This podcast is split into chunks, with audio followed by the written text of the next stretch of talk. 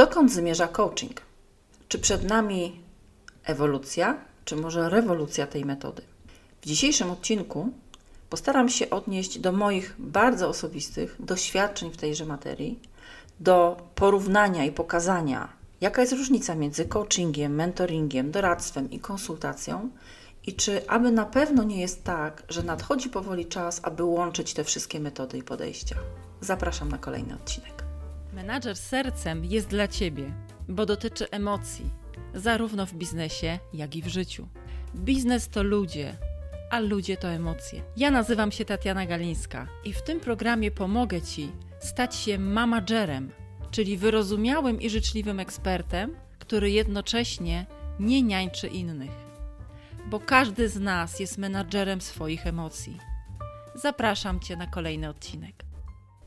Inspiracją do nagrania dzisiejszego odcinka była dla mnie nie tylko rozmowa z Agnieszką Okońską, która kiedyś o to mnie zapytała. Agnieszka Okońska to jest moja pani wydawca mojej książki Bez kija w tyłku, ale również wiele osób, które, moich klientów, które piszą do mnie, czy zgłaszają też podczas sesji, albo może nawet przed pierwszą sesją, czy ja pracuję czystym narzędziem coachingowym, czy może robię coś więcej.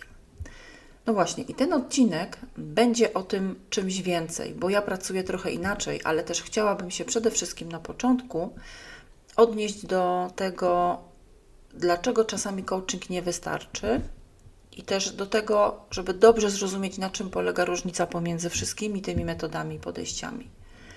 Zacznijmy może po pierwsze od tego, czym jest czysty coaching, dlaczego w Polsce, nie mówię o świecie, ale dlaczego w Polsce wiele razy jest tak, że mm, coaching spotyka się z bardzo, nie wiem czy negatywne to jest dobre podejście, ale może z mało ufnym podejściem.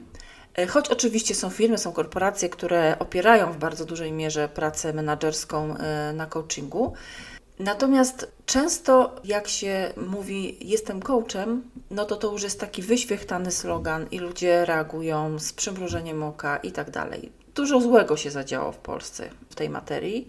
Nie jest moim celem prostowanie tego, nie jest moim celem próba przekonywania ludzi do tego. Ja powiem tylko, jak ja to widzę i powiem, dlaczego warto łączyć podejścia. Zatem, coaching.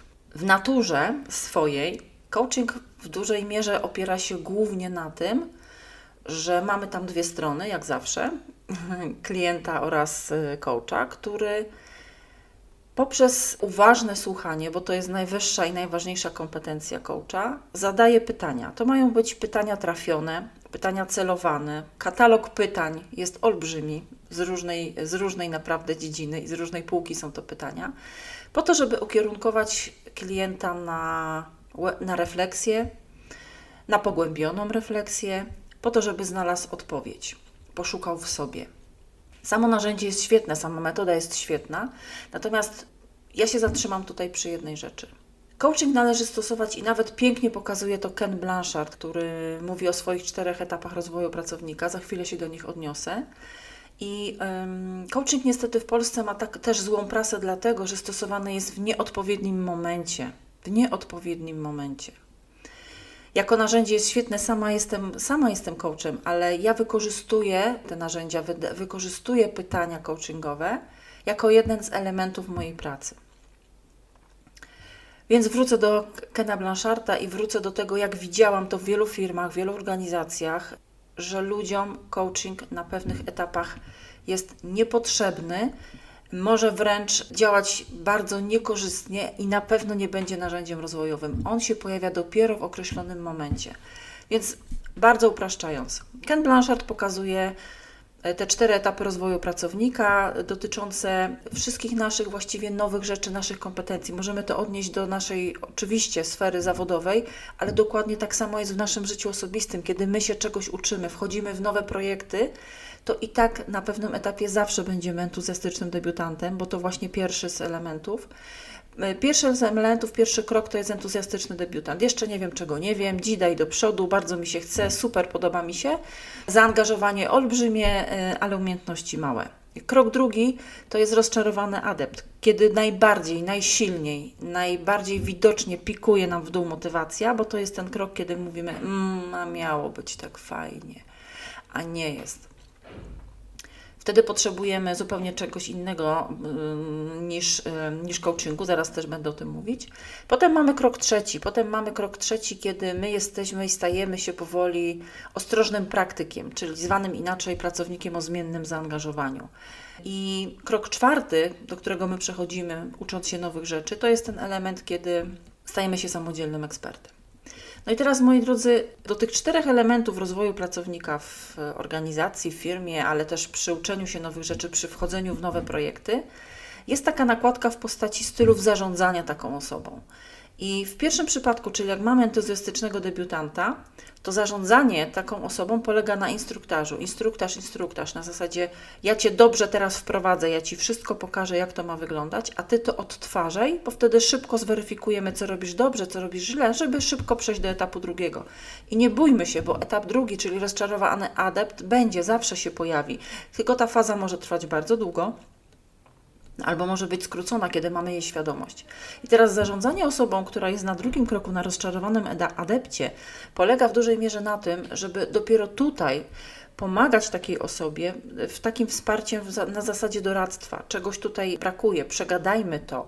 Ja ci jeszcze coś doradzę, ja ci mogę coś podpowiedzieć żeby zminimalizować ten efekt rozczarowania i, i, tej sytuacji, kiedy ta motywacja pikuje w dół. Widziałam wiele film, film i organizacji, które miały naprawdę sporą ilość pracowników, którzy latami utknęli na etapie rozczarowanego adepta. Krok trzeci, czyli naszym zadaniem też menedżerskim jest przepchnąć ludzi y, w miarę sprawnie przez rozczarowanego adepta do, do tej trzeciej y, części, do tej trzeciej ćwiartki, o której mówi Blanchard, czyli do pracownika o zmiennym zaangażowaniu, czyli ostrożnego praktyka. I właśnie tutaj, dopiero teraz, zarządzanie taką osobą polega na tym, że możemy tutaj mówić o zarządzaniu przez trenowanie, czyli to tutaj dopiero może pojawić się coaching. I moi drodzy, widziałam właśnie te błędy, które pojawiały się na tym, na tym etapie, kiedy ludzie zaczynali uczyć się czegoś nowego, jeszcze nie wiedzieli, nie mieli wiedzy, nie mieli doświadczeń, a ktoś kierował nimi i zarządzał nimi poprzez metody coachingowe. Właśnie w sytuacji tego tego pierwszego tak, pracownika, który jest dzidaj do przodu, tak, czyli entuzjastycznego debiutanta, który wiele rzeczy może nie zrozumieć, nie, nie zrozumie pytań coachingowych, to narzędzie nie jest dla niego. I myślę sobie, że sekret tego, tych nieudanych coachingów i wiele tej prasy złej, między innymi bierze się stąd, że nie jest on dostosowany do etapu pracownika. To jest bardzo ważne i potwierdzam to, bo od 15 lat bywam w firmach i widziałam to nieraz.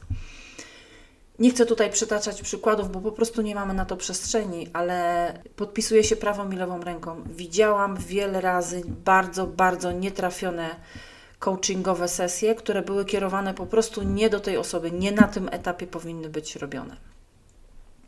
Potem mamy y, czwartą osobę, czyli samodzielnego eksperta, ta czwarta ćwiartka. Tam też możemy stosować coaching, ale zarządzanie, już jakby tego dokończając y, temat Blancharda, zarządzanie samodzielnym ekspertem polega na, nieprzes- na nieprzeszkadzaniu, bo samodzielny ekspert doskonale wie. Oczywiście monitorujemy, delegujemy i sprawdzamy, ale to właśnie nie ma być, to ma być pozbawione kontroli. To jest bardzo ważne i elementy mentoringu i coachingu tutaj mogą się również pojawiać u takiej osoby. To tyle w kwestii wyjaśnienia, dlaczego coaching y, nie wszędzie i nie zawsze. Natomiast teraz chciałabym powiedzieć coś więcej. Zobaczcie, y, Mamy kolejne metody, mamy mentoring, mamy doradztwo i konsultacje. I teraz właśnie nimi możemy pięknie żonglować i właśnie wtedy możemy je stosować, ten nawet instruktaż, u osób, które zaczynają. I teraz, jeżeli ktoś przychodzi do pracy Dlatego ja stworzyłam moją metodę, która jest holistyczna, która czerpie ze wszystkich tych elementów i takie przynosi dobre rezultaty, dlatego że ja się dzielę wiedzą. W czystym coachingu z założenia nie ma mini wykładu i nie ma dzielenia się wiedzą, bo tam mają być pytania, które mają uruchomić tą autorefleksję i grzebanie w sobie. Uważam, że jako jedno z narzędzi w kilku różnych metodach jest świetne i potrzebne. Natomiast ja jestem daleka od stosowania czystego coachingu, ale to jest bardzo moje i bardzo osobiste. Dzielę się tylko swoimi doświadczeniami. Ale ponieważ coraz większa liczba osób mnie o to pyta, i przekonujące jest dla nich bardzo to, że pracuję holistycznie wieloma metodami, to właśnie wybierają pracę ze mną. Więc myślę sobie, że coś w tym jest. I podczas tej rozmowy z Agnieszką Okońską, do której wrócę, a mówiłam o niej na samym początku, ona również powiedziała coś podobnego, że słyszy i widzi na rynku podobne zapytania i podobne trendy. To znaczy, że to się trochę zmienia. I czasami jest tak, a może więcej niż czasami, że czysty coaching nie wystarczy. Jeżeli łączymy te metody, umiemy czerpać z własnych doświadczeń, patrząc oczywiście zawsze w sposób bardzo spersonalizowany na daną osobę, która ma swoją historię i swoje potrzeby, to będzie to taki komplet, który daje wszystko to, czego potrzebuje. No bo czym jest mentoring? Mentoring jest czymś innym niż coaching. Dla mnie mentoring, mówię znowu bardzo osobiście, tego jak byłam uczona, bo ja też cały czas pracuję z mentorami moimi, którzy, z osobami, które dla mnie są mentorami, mentorkami. Więc dla mnie to jest taka, y, po pierwsze, taka relacja, która pokazuje Ci, że y, możesz trochę wejść w relację mistrz-uczeń. Ja Ci powiem, jak to zrobić, bo też tam byłem, czy byłam. Mogę Ci powiedzieć o szansach, o zagrożeniach, mogę Cię zainspirować, mogę Ci podać metaforę, mogę Ci podać y, gotowe rozwiązanie, bo ja już tam byłam, ja już to zrobiłem. Możesz to odtworzyć. To jest również w mentoringu również może być tak, taki element się może pojawić, że ktoś potrzebuje superwizji, takiej informacji, czy ja to dobrze robię, może potwierdź albo zaprzeć, może mnie skoryguj. Tam też się coś takiego może pojawić. Mamy też, moi drodzy, doradztwo. Doradztwo zawsze polega na tym, że daję Ci pewnego rodzaju wytyczne. Ty mnie pytasz, co masz zrobić. Ja zawsze Ci powiem, ok, Ostateczna decyzja zawsze należy do klienta i do ciebie, ale na przykład w ramach doradztwa ja ci mogę powiedzieć: słuchaj, na 10 klientów 8 miało tak i tak i tak. Możesz, możesz skorzystać z takiego rozwiązania nie mogę powiedzieć ja na Twoim miejscu, chyba że bardzo mnie o to prosisz. I tak Ty ostatecznie podejmiesz decyzję, bo ta odpowiedzialność jest po Twojej stronie. Ale na przykład w ramach doradztwa mogę Ci podać 3-4 case jakichś innych klientów, mogę Ci podać swój case, mogę Ci powiedzieć, zobacz, możesz zrobić tak, tak, tak i tak i możemy omówić szanse i zagrożenia. Na przykład. Jest jeszcze oczywiście konsultacja. Czym jest konsultacja? No w wielkim uproszczeniu konsultacja to jest jakaś luka wiedzy. Zobaczmy, i prawnicy, i lekarze sami czasami wysyłają klientów albo sami potrzebują skonsultować się z innym samodzielnym ekspertem, bo mają jakąś lukę wiedzy, bo nie wszyscy wszystko wiemy. To jest oczywiste i normalne. Czasami słyszymy, potrzebuję się z kimś skonsultować, żeby przyjść do Ciebie z pełną odpowiedzią, bo na przykład nie mam tutaj pewności w tym i w tym. Dlatego ja uważam, że coraz częściej będą pojawiać się takie osoby, które będą łączyć te metody, bo taka jest potrzeba rynku. Ja uważam, i to jest bardzo, yy, bardzo przemyślana moja odpowiedź, że nie warto się bać i nie warto łamać schematów, bać się łamać schematów. Warto słuchać siebie swojej intuicji, swojego serca i oczywiście słuchać swoich klientów i tego, czego potrzebuje rynek. Ja często powtarzam, że na każdą, e, na każdą potrzebę ludzką znajdzie się jakieś rozwiązanie. Czasami słyszę i widzę pojawiające się nieprawdopodobnie dziwne, śmieszne usługi czy rozwiązania. Ale za chwilę myślę sobie, no tak, przecież gdyby nie było potrzeby z rynku na takie usługi, to one by nie istniały. Więc warto jest mieć na to przestrzeń, warto jest mieć na to otwartość. I no, mam świadomość, że pewnie jest wiele osób, jeżeli słuchają tego, tego nagrania, które pracują, pracują czystą metodą coachingową, będą się przed tym bronić, a może nie, a może wejdą w jakąś refleksję i może będą chciały, mm, chciały troszeczkę mm, poszerzyć y, swoją narzędziówkę o inne metody. Ja czerpę też i dodaję, jak sobie zaczęłam analizować ile ja różnych jeszcze podejść realizuję u siebie, to myślę sobie, że ta lista narzędzi, którymi ja pracuję, to by było z, z, około 20. Tego jest bardzo, bardzo dużo. I bardzo się cieszę z jednej rzeczy, moi drodzy, że mając lat 50, przynajmniej od lat 10, bardzo mocno czerpę z tych wszystkich rzeczy, czerpę ze własnych doświadczeń, czerpę z y, historii moich klientów i że nie boję się tego, że. Mm, w jakiś sposób nie wpisuje się w trend. Uwierzcie mi, jak słuchacie swojego serca i słuchacie swojej intuicji i otwieracie się na to, czego potrzebują ludzie, to odejdą od Was lęki pod tytułem Co powiedzą inni. A może to nie wypada, albo to, albo tamto. jeżeli czujesz taką potrzebę i wiesz, jaką dajesz wartość swoim klientom, i wiesz, jak bardzo im możesz pomóc, i dostajesz od nich feedback, dostajesz od nich informację zwrotną, to po prostu to rób. Dlatego, jeśli słucha mnie ktoś, kto jest y, osobą z przestrzeni samorozwojowej, to mogę powiedzieć teraz wprost do ciebie. Jeśli wybierzesz siebie, jeżeli wiesz, że to, co robisz, naprawdę ma olbrzymią wartość dla Twojego klienta, to nieważne, jak to nazwiesz, nieważne, w jakie to ramy wrzucisz, po prostu to rób. A jeśli to robisz, to też idź i powiedz o tym światu. Dlatego, że nikt się nie domyśli, na czym polega Twoja metoda, Twoja skuteczność, Twoje rozwiązania. I to nie chodzi o element chwalenia się, ale o element budowania świadomości w drugim kliencie, w drugim człowieku, że masz coś takiego i że możesz mu pomóc. I myślę sobie, że w przypadku wielu osób, a jak rozmawiam z osobami, które mają też wykształcenie coachingowe, to powiem Wam szczerze, oczywiście bez podawania tutaj jakichkolwiek nazwisk, że wiele osób, z którymi rozmawiałam z tej branży, mówi mi tak, ja też nie stosuję czystej pracy coachingowej.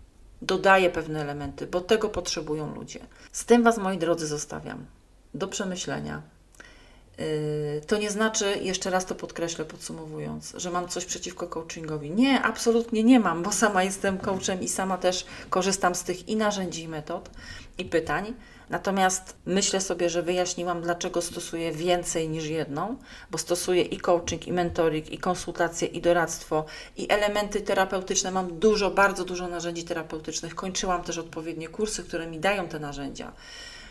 I jak to się splecie w taką całość, to przynosi naprawdę niesamowite rezultaty, bo my wtedy możemy naprawdę pełnymi garściami czerpać z, całych, z całego naszego kompendium wiedzy, z całych naszych zasobów e, narzędziowych, żeby w tym holistycznym podejściu do człowieka, do jego emocji, do jego ciała również, ja też pracuję z ciałem, do jego ducha, bo też pracuję z duchowością w biznesie, podejść naprawdę bardzo, bardzo w sposób kompletny.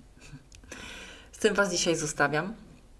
Zapraszając jednocześnie, jeżeli macie czas, przestrzeń i ochotę na odwiedzenie mojej strony tatianagalińska.pl, gdzie znajdziecie więcej informacji na temat e, warsztatów Menadżer Sercem, gdzie znalazły się już nowe terminy na kolejny rok. E, również zapraszam Was do mm, słuchania moich odcinków do cofnięcia się do poprzednich, mm, a także zapraszam do lektury mojej książki Bez kija w tyłku, czyli o trudnych emocjach w biznesie i w życiu. Za chwilkę będzie kolejna edycja tej książki, a w międzyczasie pojawia się i audiobook i e-book do tejże książki. Także trzymajcie kciuki i zapraszam Was do tych przestrzeni. Pozdrawiam, cześć, trzymajcie się Tatiana. To już wszystko na dzisiaj. Dziękuję za Twój czas i uwagę. Możesz spotkać mnie w innych przestrzeniach, jeśli ten temat z Tobą rezonuje. Możesz czytać moje publikacje na LinkedInie z hashtagiem bez kija w tyłku. A także możesz odwiedzić moją stronę tatianagalińska.pl. Znajdziesz tam więcej informacji o warsztatach Menadżer Sercem. Do zobaczenia, Tatiana.